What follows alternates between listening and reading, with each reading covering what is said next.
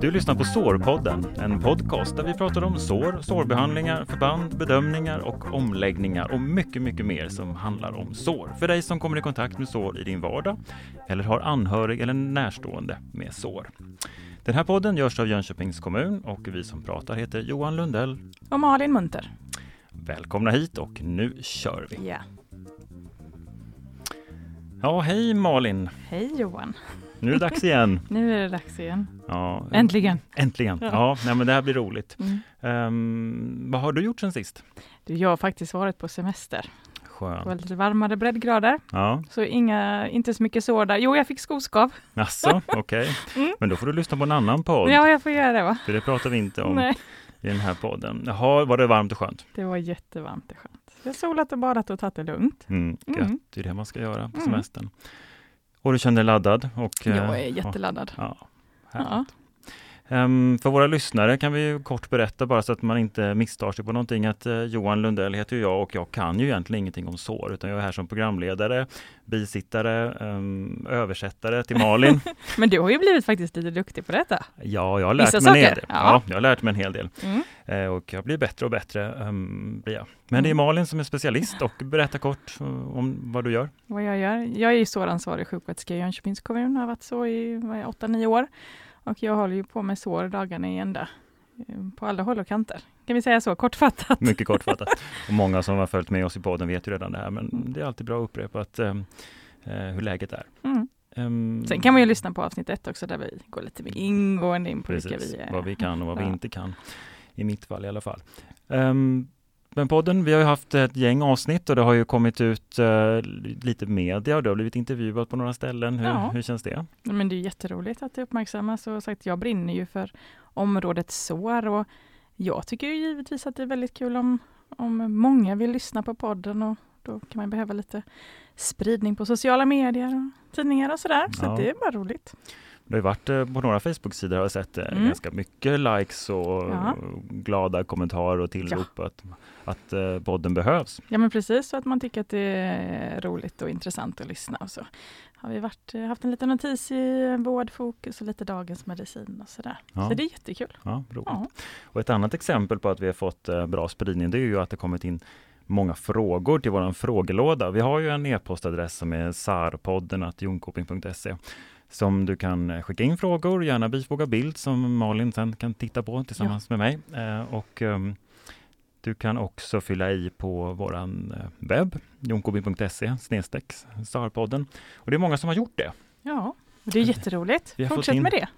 Vi har fått in frågor. Det är så pass mycket att eh, vi tänker vi kör ett avsnitt nu där vi pratar om eh, de Mm. frågorna som har kommit in. Lite frågor och svar helt enkelt. Frågor och svar. Och, Specialavsnitt. men jag tycker vi börjar.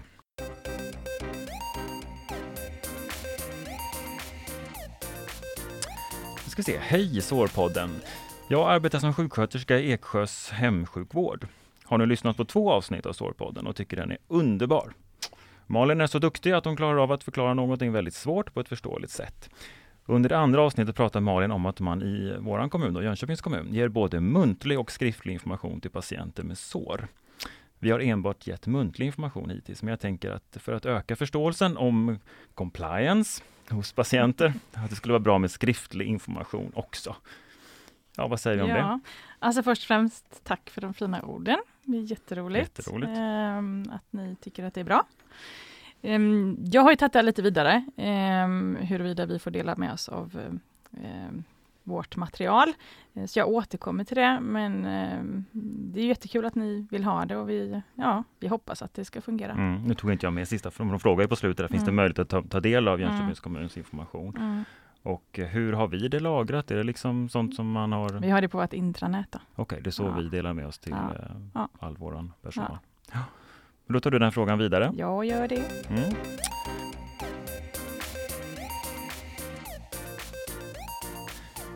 Du har ju fått en annan här. Nybliven. Jag är en nybliven sjuksköterska som äntligen får bra och intressant information om sår.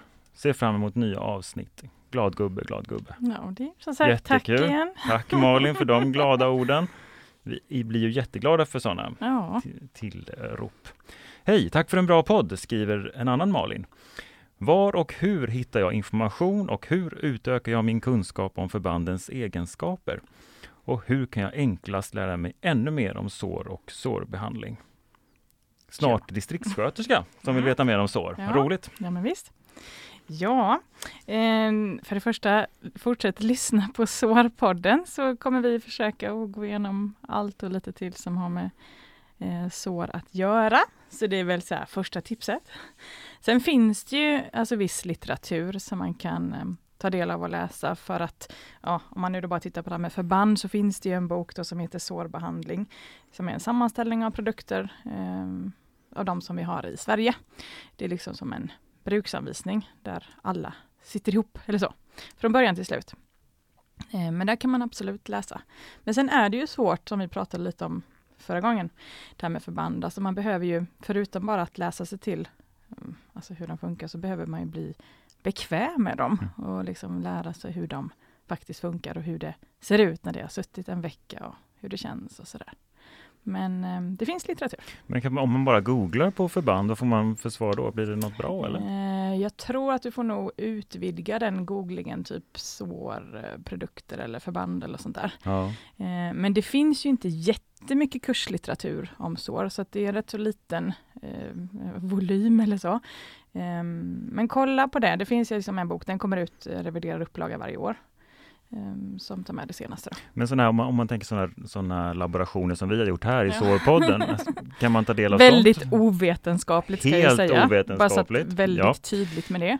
Det är ingenting som man kan eh, liksom, ta fasta på att det här är exakt vetenskapligt genomfört, utan Nej. det är lite, lite, jag ska inte säga på skoj, men Nej. vi testar oss fram. Ja, och det är faktiskt inte helt fel att man på sin arbetsplats gör lite laborationer, för man upptäcker saker som man faktiskt inte visste innan. Okej. Ehm, och så brukar jag göra och med mina kollegor då sitta i så lite testgrupper, framförallt vid upphandling, att se hur, hur funkar det när man häller vatten på detta. Nu är ju inte sårvätska som vatten, men man får åtminstone en liten uppfattning om saker och ting. Ja, Eh, eller kanske sätta på sig ett förband och ha på sig den hela och se hur det känns. ja, just det. Duscha med det. Precis. Men, men när ni har sårgrupper och träffas, Mm. så gör ni sådana grejer också då? Oftast har jag gjort det innan och förklarar vad vi kom fram till. Men det är inget som hindrar att man ute i verksamheterna faktiskt kan prova själv. Ja, Det får man ju absolut göra. Men oftast gör vi det lite för att kanske jämföra olika produkter från olika företag eller leverantörer och se lite hur de funkar och vad händer när man trycker på dem? Ja, men det finns jättemycket Mm. saker som man kan göra. Som sagt, det blir väldigt ovetenskapligt, men man kan ju ändå få en viss bild av saker och ting. Bra. Var det svaret på frågan Johan? Du, du får vara kontrollant Ja, här nu men- så att jag svarar rätt. Malin, om du inte är nöjd med svaret så, Mm. så får du eh, fråga Malin här igen. Ja, Väldigt Malin får fråga Malin. Malin får, mycket Malin. Vi tar nästa fråga. Mm.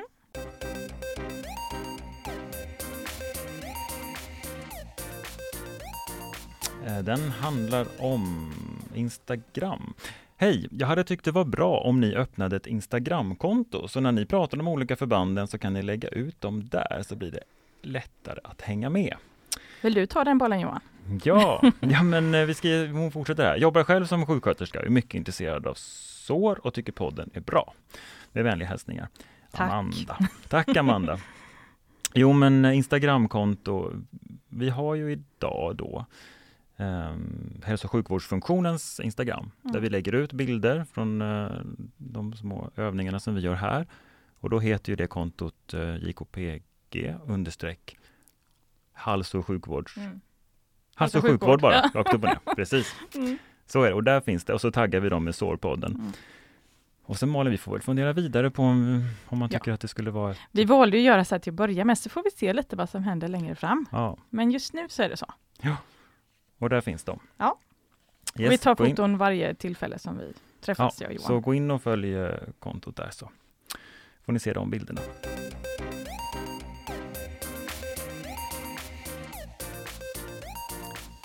Vi fortsätter. Här är en eh, brevskrivare, sjuksköterska sedan tio år, skriver personen. Tack för en bra podd. Tack själv, säger vi. Roligt att du lyssnar.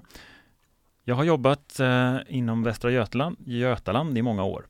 Vi har på kliniken flera olika sårtyper av varierande orsaker. Vi har sårkunnig personal och såren blir väl omhändertagna. Problemet är Kul! Dock, ja, kul! Problemet är dock att när vi skickar hem patienter med sår och dokumentation i form av sårjournal och material så följs inte den bestämda omläggningen i hemmet.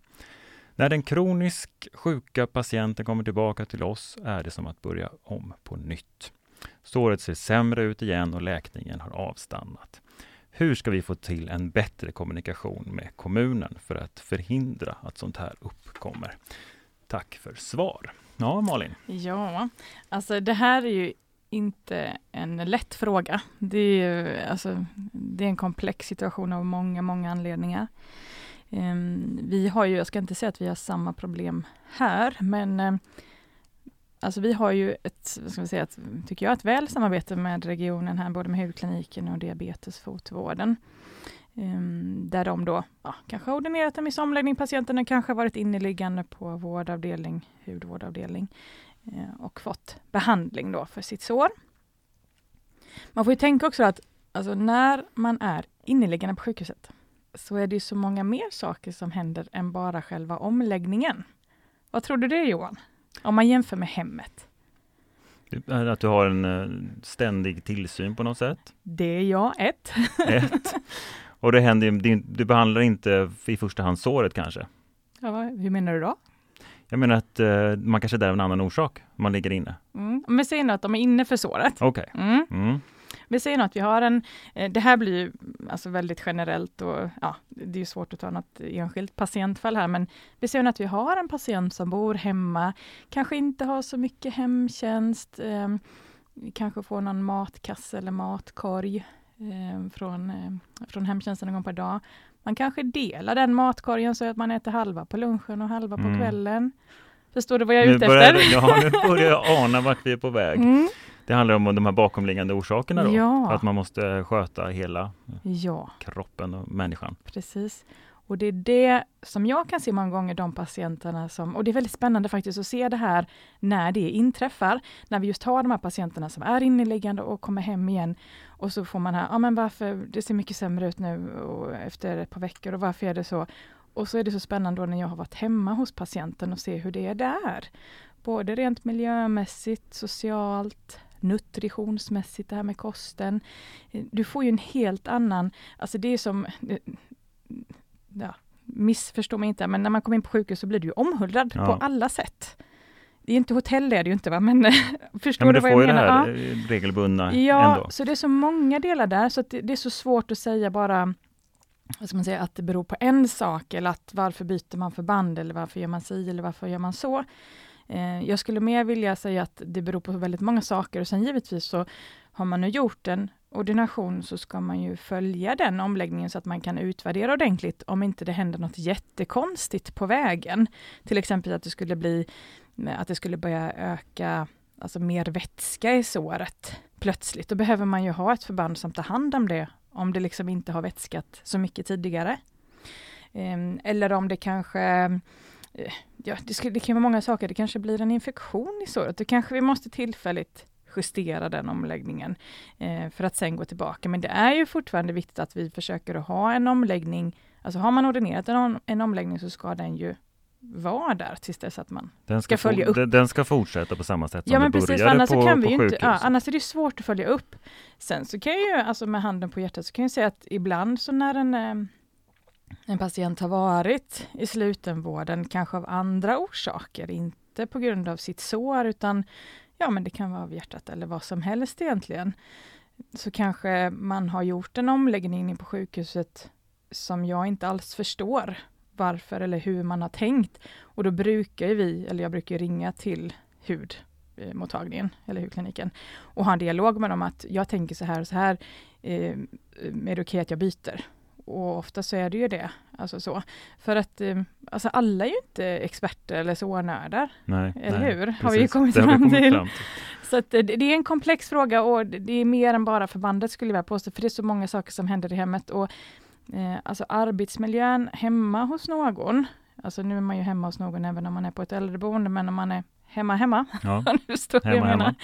Så, så är det så många delar som, som faller in och likadant bara det här psykiska välmåendet, en del alltså vågar jag påstå, är ju faktiskt glada över att träffa andra människor hela tiden då, så när man är inne på sjukhuset om man jämför kanske då med att vara hemma och vara helt ensam. Och det påverkar ju också, det påverkar ju hela människan.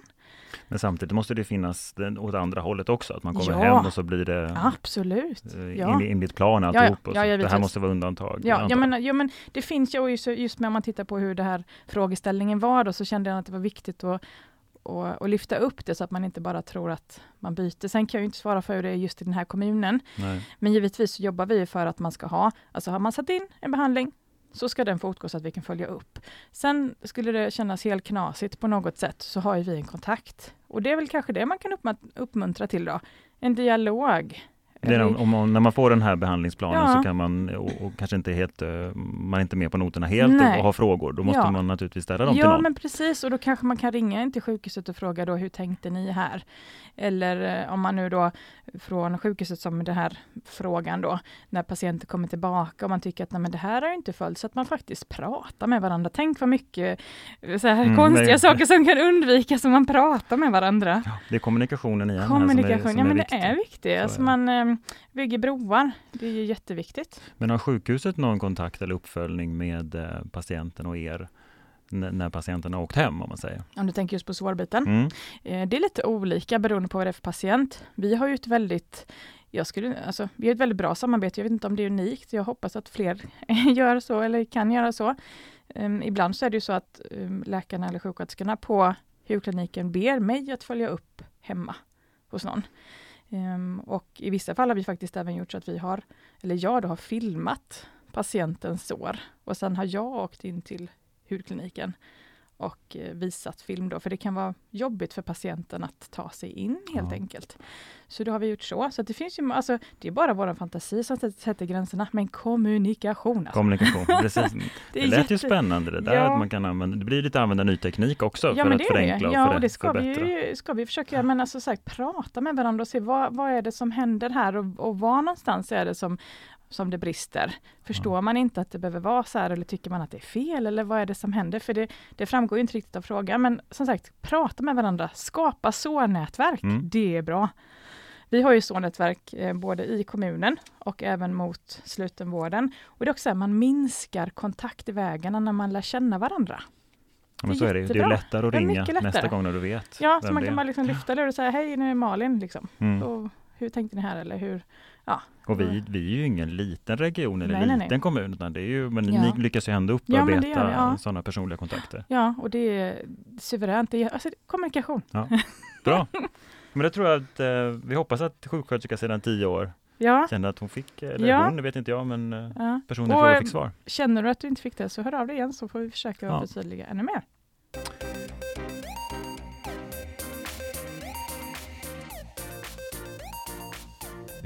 Tar en fråga till och nu är det en tjej, Pernilla, som uppskattar verkligen denna podd och tycker det är ett så bra initiativ. Och vi säger tack, vad roligt att höra. Ja.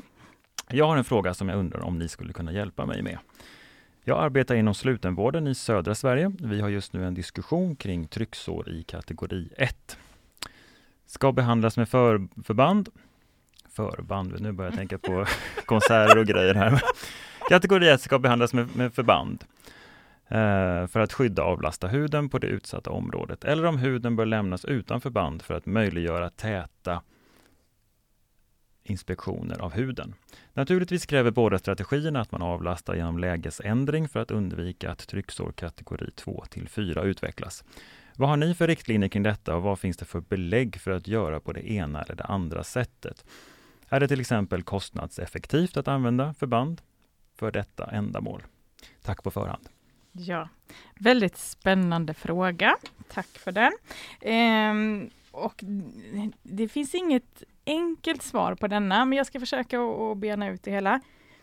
Alltså, jag måste ju ändå säga så att grunden i detta, när man ska behandla trycksår, nu har ju vi inte kommit till trycksår än Johan. Nej, jag vet Det inte vilket spännande. avsnitt det blir, men Nej, det ser jag fram emot. Ja, det tror jag tror du kommer tycka blir väldigt spännande. Ja. Men i alla fall, det viktigaste är att man tar hand om bakomliggande orsaker. Och hon skrev ju det här, eller personen då, Pernilla, att eh, hon förstår att det är viktigt. Men jag vill ändå trycka på det, för att det finns liksom inga, inga genvägar här. Utan det är alla bakomliggande faktorer och det är rätt så många, men total tryckavlastning är ju en av dem. Vad betyder total tryckavlastning Johan, tror du? Då ska det inte finnas något tryck överhuvudtaget kvar. Nej. Man kanske kan eh, använda någon form av brun eh, linda. Eller inte? Eller inte. Så där går det när man försöker visa Ja, att man har förstått något liksom, till avsnitt fem. Nej. Johan, du får nog sluta med det här. Kommer komma snart. Nej. Ja, jag ska inte störa. Nej, nej, nej. Mm. Men en total tryckavlastning innebär att den drabbade delen inte ska nudda något underlag. Det är liksom det optimala. I eh, många sammanhang så kan vi få till det, till exempel kanske på hälarna. Då kan man liksom lyfta upp hälen och ha en liten kudde under, under vaden. Är det på rumpan så är det lite svårare. För någon gång på dygnet så behöver man ju sitta upp eller liksom på något sätt belasta där. Va?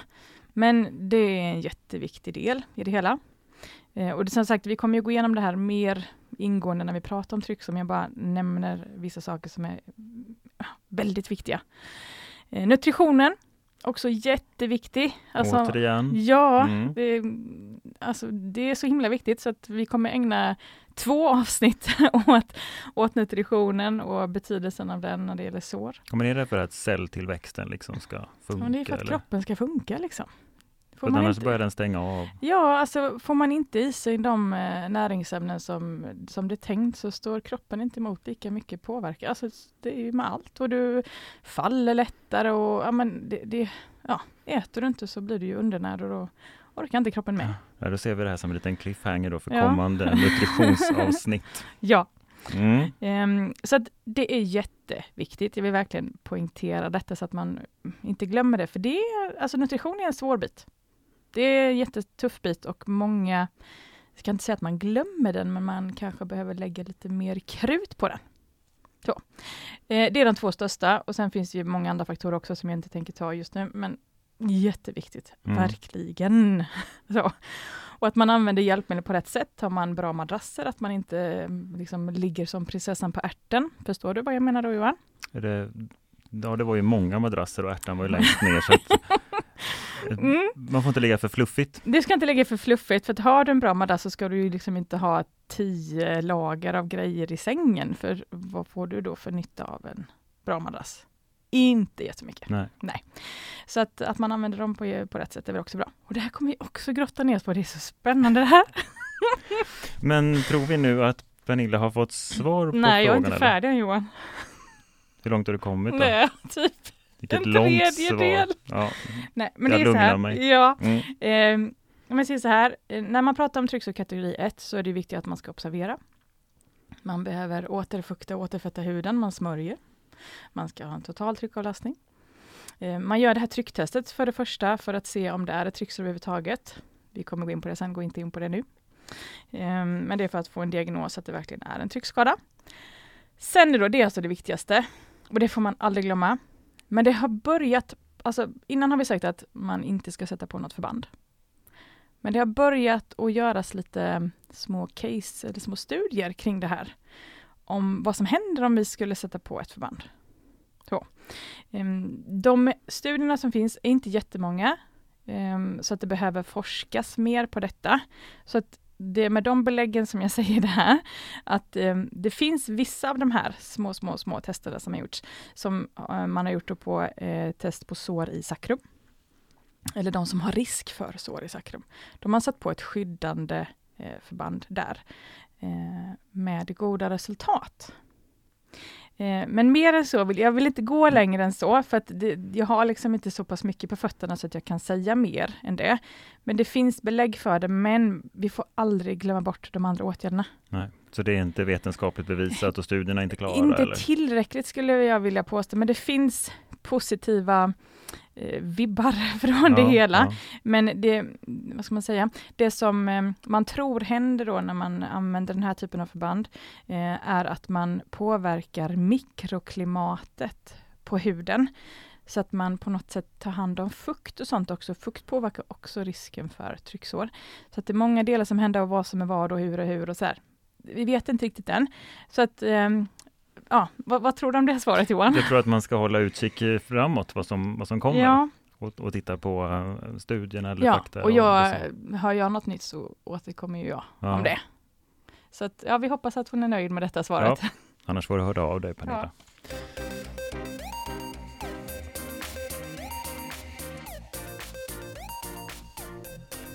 Då ska vi se. Jennifer har skickat in en fråga.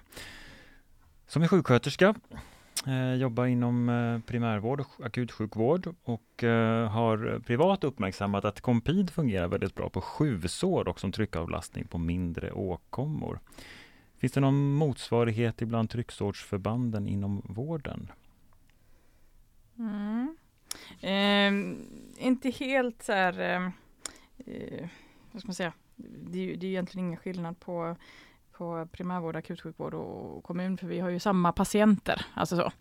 Ehm, det är fortfarande lite det här, toucha lite på det som vi var inne på innan, att det viktigaste är ju alla andra saker som man gör. Det är inte förbandet som är viktigast här, utan allt annat.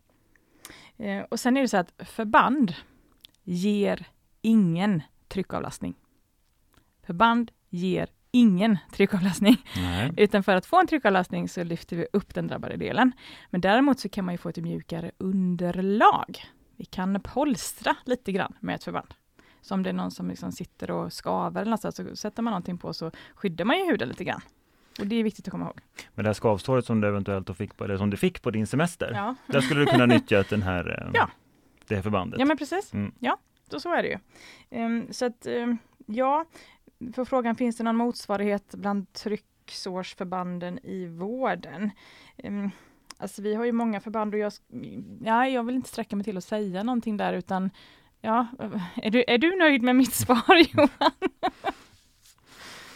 Ja, det är jag. Ja, vad bra. Anna, du får ju höra av dig igen om du vill ha något um, svar på något annat sätt. Precis. Nästa fråga. Emma skriver så här. Fibrinets vara eller icke vara. Hur löser man bäst upp det och hur viktigt är det att få bort det för sårläknings skull? Okej, då måste jag ju kolla min glosbok som jag inte har, men fibrin vet jag inte vad det är. Jag lärde mig att eh, eh, sårvätska heter pus. Eller- Mm. Jo, Vad tror du febrinen Johan? Ingen aning. Här är jag faktiskt helt lost. Gissa! Det är ju jätteroligt. Jag gissar att jag skulle säga död hud, för det brukar jag säga om mycket annat, men det, det tror jag inte att det är. Ja, men det är någonting som är på kroppen, fibrin. Mm. Och med tanke på att det här är en sårpodd, vad tror du då? Att Jag tror att det är sårskorporna. du tror att det är sårkroppen? Ja, alltså du är inte helt ute och seglar, så det är det är skönt. Mm. Eh, fibrin, vi, vi tar det väldigt kortfattat, är um, slaggprodukter som kan finnas i sår. Det ser lite gulaktigt ut. En del sitter eh, hårt, en del ser nästan ut som lite spindelväv som går ner i såret. Eh, ibland så är det lätt att få bort det, ibland så är det svårare att få bort det. Men man kan till exempel använda en kurett, Johan, Mm, kan man göra. för att Skära få bort, bort det, ta bort det. fibrin. Mm. Eh, och det är så här då att vi vill ju helst inte ha fibrin i sår, för det stör ju lite grann.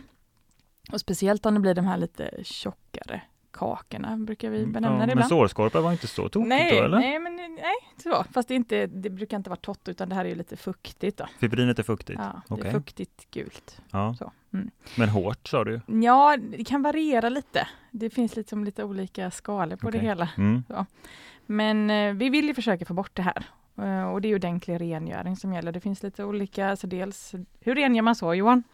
Man använder vatten, Mm. kroppstempererat, friskt vatten, Ja, som Och- man försiktigt spolar. Och Duschar. ibland rikligt duschar. ja. Mm.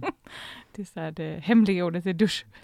Ehm, nej men man ska ju då försöka att tvätta rent såret ordentligt. Eh, och använda någon typ av verktyg ifall det behövs, eller hjälpmedel. Det finns eh, em, olika material för detta med en kurett och sen finns det lite olika, vad ska man säga, eh, servetter eller eh, ja, motsvarighet Scotch and Bright, så utan att benämna produktnamn, så finns det lite olika hjälpmedel som man kan eh, få, få hjälp med att lyfta upp fibrin. För ibland så sitter det som sagt lite Mm. hårdare.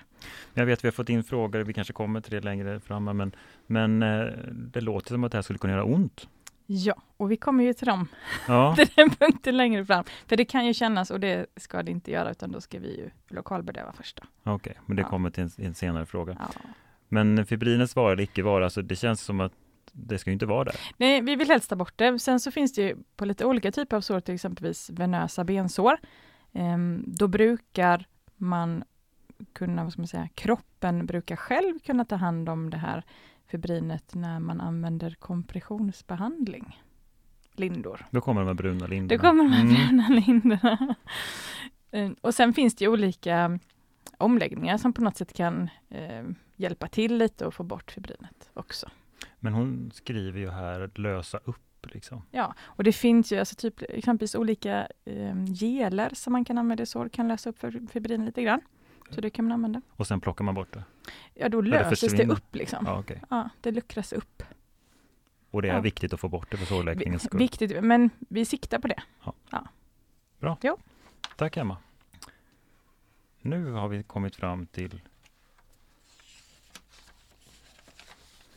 tre stycken frågor som handlar om ungefär samma ämne.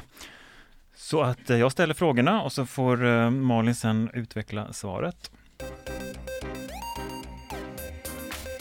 Helena skriver så här. Har hört att man ska smärtstilla plågsamma sår genom att blanda glidslem med morfin. Ska detta i så fall appliceras i såret eller bara runt omkring? Ja, men här kommer det här. Vidare en fråga från första avsnittet. Bör man smärtstilla innan man duschar ett sår? Eller brukar detta vara smärtsamt? Såklart beroende på vad det är för sår, men går det att säga något generellt kring det? Eh, nu ska vi se, kommer en fråga till. Hej, jag är sjuksköterska, håller på att behandla ett sår som patienten upplever mycket smärta av. Läkaren sa att man kan droppa morfin i såret och min fråga är, kommer det att förstöra läkningsprocessen på något sätt? Och eh, Monica frågar så här. Hej, hur kan man smärtlindra på bästa sätt när man har sår? Ett sklerodermisår. Det är bra Johan. Var det okej okay, eller? Fortsätt. Kan ju ta veckor, månader att läka och det gör väldigt ont och de är väldigt svårläkta. När man har systemisk skleros är det ju ganska vanligt att få sår. Malin skrattar här nu. Det är säkert något fel i uttalet, men jag hoppas att ni som eh, lyssnar kan översätta till, till det som ni tycker är bekvämt. Ja. Um, Okej, okay, tre frågor ungefär samma. Ja. vi, satt, vi satte ju samman de här för att de hör ju lite ihop. Va? Så att, uh, då gjorde vi så, så att jag ska försöka och, och bena detta så får du säga ifall jag missar någonting. Mm. Okay? Jag ska försöka hålla koll. Ja, men det är bra.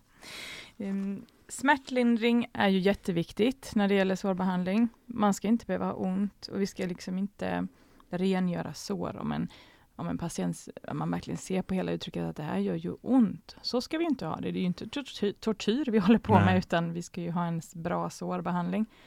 Och när man har smärta i ett sår så påverkar det sårläk sårläkningen negativt också. Så det är inte bra med smärta. Och det ska vi försöka få bukt med. Eh, en del patienter har ju smärtlindring som stående läkemedel. Vet du vad det betyder Johan? Men då man, tar man det regelbundet? Du tar det regelbundet, ja, ja. precis. Och en del har um, smärtlindring vid behov. Vad betyder det? Ja, men då är det nu, nu gör det ont på det här stället, nu måste vi smärtbehandla. Ja, och en del tar då kanske någon tablett smärtlindring innan man ska lägga om ett sår eller innan man då ska rengöra. Eh, det ser lite olika ut, men det som jag tror att, eller ja, om jag tittar på våran kommun som vi försöker att bli bättre på och jobba starkt på hela tiden, det är det här med lokal smärtlindring. Och vad betyder då lokal smärtlindring? Då, då bedövar vi, eller vad man ska säga, bara, ja, bara precis där ja. insatsen ska genomföras. Precis. Och då pratar vi ju inte om, alltså jag gör ju ingen spruta som kanske läkaren gör om du ska sy eller så. Det är inte den typen av lokal behandling som vi menar. Så att vi är med på det. Ja. Utan vi menar alltså då någon eh, salva eller gel eller någonting som vi lägger i såret eh, när vi har tagit bort förbandet. Så att det finns lite olika delar i detta. Men man brukar så då säga att man tar ju bort förbandet och om ett förband skulle ha fastnat på något sätt så att det gör ont när, när man tar bort det, så skulle jag vilja säga att antingen så har man valt fel förband, för att förband ska inte fastna i såren. Men om det nu råkar ha gjort det, så får man ju duscha bort det här så att patienten liksom inte, så inte det blir den här ratsch. Nej, det går Nej, inte. Vi vill inte Ett, ha ratsch. två, tre och riva på Nej, två. Det, Nej, alltså det är ju fruktansvärt. Ja. Eh, och det kan ju göra ont lång tid efteråt. Så att eh, när man då har få, fått bort det här förbandet, så ska vi ju rengöra. Och rengöring är det som tar längst tid när det gäller en omläggning. Så när vi säger att vi ska göra en omläggning som tar en och en halv timme, så är det inte själva sätta på det nya förbandet som tar lång tid, utan det är rengöringen som tar lång tid. Mm, det är förberedelser. Det är förberedelserna, ja, precis. Det är som en tapetsering, alltså. Ja, du behöver göra underarbetet bra först. Underjobbet inte... som tar tid. Ja, det är ju så. Och vi måste lägga tid på det här. Och här då så kommer ju smärtlindringen in. Så här har vi egentligen det som vi, eller de alternativen som vi brukar använda, är xylokingel, xylokinspray och morfingel. Någon enstaka gång emlakram. Så jag vet inte om vi ska grotta ner oss lite i det här då. Mm, ja, kan vi göra. ja, um, för då är till exempel xylokingel, det är samma gel som man använder när man ska sätta en kateter på någon. Alltså man får in en kateter i urinvägarna. Man alltså lägger då på den här gelen på såret. Man tar några kompresser, blöter dem med kranvatten, kramar ur dem, viker ut dem och lägger på dem över såret och den här gelen som man har lagt på för att inte gelen ska rymma.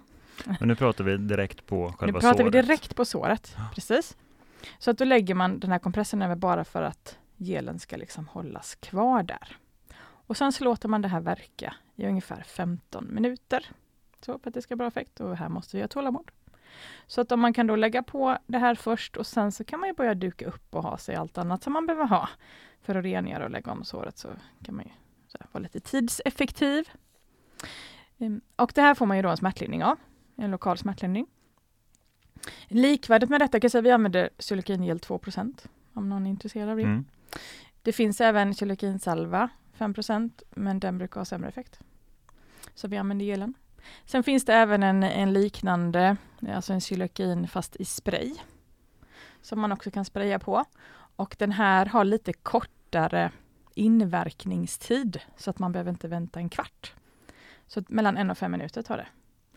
Nackdelen med den är att den kan svida lite mer precis när man sprayar på den. Så man får ju säga till patienten att precis nu när jag sprayar här så kommer det svida men det går över. Och eh, ja, då sparar man lite tid och ibland så är det enklare med sprayen rent alltså appliceringsmässigt än en gel. Så det kan man också göra. Och sen har vi då morfingel som man också kan använda. Man kan, alltså läkaren kan eh, beställa och ordinera den här och apoteket kan göra i ordning den och blanda den så fint. Men det är rätt så dyrt, så att vi brukar blanda själva. Eh, så då tar vi helt enkelt eh, injektionsvätska, morfin, det som vi använder när vi alltså, injicerar blodet. En milliliter sådant och 9 gram av någon typ av gel, något geligt. Okay. Ja. Mm. Och sen så lägger vi det här på såret och, och använder egentligen det här precis på samma sätt som xylokingelen. Vi liksom lägger på det på samma sätt. Men hur applicerar man de här gelerna på såret? Har, har man för verktyg? Eller för... När det gäller eh, då, som är en tub, då bara trycker man ut det. Ja, och så smetar man ut det med ja, något, eller? Nej, men det, det, brukar rinna liksom ja, ut på, okay. på kanter och sånt, eller ja, där det behövs eh, vara. Eh, morfingelen är lite olika, ibland så vill man ha en spatel, ibland jag brukar suga upp det med en spruta och liksom också då, så det blir lite tubaktigt där eh, och få ut det och som sagt lägga över kompress också då. Och eh, sen har man ju då eh, effekt under, ja, under den tiden som du gör omläggningen helt enkelt. Och det här är ju då för att du ska kunna rengöra ordentligt. Och rengöring är jätteviktig. Vi kommer ju komma till det lite längre fram, men eh, rengör vi ordentligt så kommer såret att läka fortare. Vi kommer att förebygga infektioner i såret. Eh, så det är positiva saker som händer. Det som jag vill föra fram också där med morfingelen, om man inte har talat om det här innan och det kan säga att det är inte alla läkare som har talat om det här heller och inte kanske xylokingen heller, att man kan nej. ha det här på såren, så ni får vara lite budbärare här. Um, det finns ett regionalt vårdprogram för tumörsår, om ni googlar på det, så på sidan 25 tror jag det, så står det lite mer om morfingel om ni vill liksom visa ett kompendie för någon att här står det att man kan använda det. Uh, uppe i Stockholm så använder man det här väldigt mycket på ja. tumörsår. Men det som man kan använda morfingelen till också, det är att när du väl har gjort rent såret och du precis är, du ska sätta på det nya förbandet, då kan du lägga på liksom en klick morfingel till och då kan du få effekt över tid. Okej, okay, för det hamnar under förbandet? Då hamnar det under förbandet, det ligger kvar där alltså ja. då. Och eh, det finns ju, alltså, det är det här med sår och studier, det, det, är svårt att få till, men det finns ju dokumentation på att um, ja, en del har ju alltså effekt över, över både ett och två dygn. Och det är ju jättebra. Istället då för, nu vet inte jag om du har koll på vad som händer när man pillar i sig morfin? Nej men allmäntillståndet påverkas ju på något sätt. Jag, jag, tror att man blir lite dåsig. Ja, jo men det blir man ju. Man blir, och tarmen påverkas, man blir förstoppad. Alltså det är många delar i det hela. Och kan man då eh, istället lägga smärtlindringen på det stället där det gör ont och det tas, tas inte upp i kroppen så slipper du de biverkningarna. Mm. Och det är jättebra. Det är bara precis där smärtan det är precis där. finns. Och då får man vara lite så beredd på att man kanske behöver sänka dosen på de andra smärtlindrande tabletterna som man har, eller plåster eller vad man nu har för någonting. Um, så att man inte blir överdoserad. Just det. Så att man är med på det då. Ja. Men um, jag har förstått att det här inte är så himla känt, att man faktiskt kan göra så här. Och det är ju jättebra Mm. att göra det. Och det är framförallt i såret. Är det med kanterna som gör ont så välj Emla-kräm istället då. Men det är lite eh, längre inverkningstid så där behöver man lägga på det um, ungefär en timme innan och liksom fästa på något förband över så att det ligger kvar. Uh, annars kommer det inte funka. Men om man tänker då att, att du har inför en rengöring och så har du applicerat gelen och så väntar du 15 minuter och sen så har det, smärtlindringen kommit. Hur lång tid har du på dig då för själva behandlingen innan smärtan kommer tillbaks? Det är ju lite olika, men alltså, som längst så skulle jag vilja säga att så, så kanske jag håller på med en omläggning eller rengöring i om man säger 40 minuter eller något sånt där. Och då håller den ju på den. Sen är det ju alltid så när man, när man kommer till en patient och ska göra det här första gången, så vet vi ju inte hur pass väl det här fungerar hos just den här individen. Och då måste man ju prova och se, funkar det här eller ska vi liksom, vi börjar ju kanske då med psykologin och så trappar vi uppåt så eh, till morfin sen om det inte skulle funka. Så man, man får ju prova och utvärdera. Mm. Och Men här är också en dialog hela tiden med patienten. Ja, att hur, absolut. hur upplever du det Ja. här? Eller? Och använda så typ VAS-skala, ESS, någonting, någon typ av smärtskala så att man kan få en bra bild på hur det faktiskt är. Ja. Ja. Ett uttömmande svar. Ja, har vi, har har vi gett nu. svarat på alla frågor tror du? Det var ju, det var ju ett gäng frågor i samma här, så att, men Mm. jag, det känns så spontant. Jag vet inte om det var det här sista där, du eh, hakar upp det lite på. På det här sklerosen. Mm, jag ska se här, Mm. jag, jag får titta lite på den och se. Kolla om jag... Ja. eh, Ehm, då ska vi se vad det stod här. Eh, systemisk skler- skleros eh, pratade, eller skrev Monica om här. Alltså det är ju det här med smärtlindringen, det är ju det är viktigt och det är ju det som jag lite pratar om nu. Ehm, det här är en ovanlig autoimmun sjukdom. Ehm, kroppen liksom attackerar sig själv kan man säga. Och här är det ju viktigt, precis som med, med alla andra saker, att man eh, går på bakomliggande orsaker. Jag vet inte om du kommer ihåg när vi pratade om gikt. Mm. Ja. Man behöver ju kontakta reumatologen här då, så att man får behandling för grundsjukdomen och riktade åtgärder mot det. Det är ju det som är det viktiga. Så vill jag bara också förtydliga då att eh, som psylokingel och morfingel, det är ju läkemedel och det är läkarordination på det. Ja, vad tror du Johan? Jag tror att vi har fått svar. Annars är man som sagt välkommen att eh, kontakta oss igen Mm. och det är sårpodden att eh, jonkoping.se som är e-postadressen. Och du kan också skicka in dina frågor via formulär på jonkoping.se sarpodden. Spännande! Vi har ju som sagt fått eh, en hel del frågor och Mm. fått många svar. Hoppas ni har eh, ni som har ställt frågorna har eh, fått svar och även ni som inte har ställt frågorna kanske funderat på det här och fått, fått svar. Men som Mm. sagt, skicka in fler frågor. Och vi Eh, kommer ju fortsätta att svara på frågor varje avsnitt och känner vi sen att det kommer in mycket frågor så kanske vi gör ett sånt här avsnitt till. Så skicka gärna in eh, synpunkter på det också. Vad tyckte Ja. ni om ett sånt här frågeavsnitt? Ja, Ja. Men vi säger väl eh, tack och hej för idag då. ja men det gör vi. Det gör vi. Mm, tack och hej. Tack.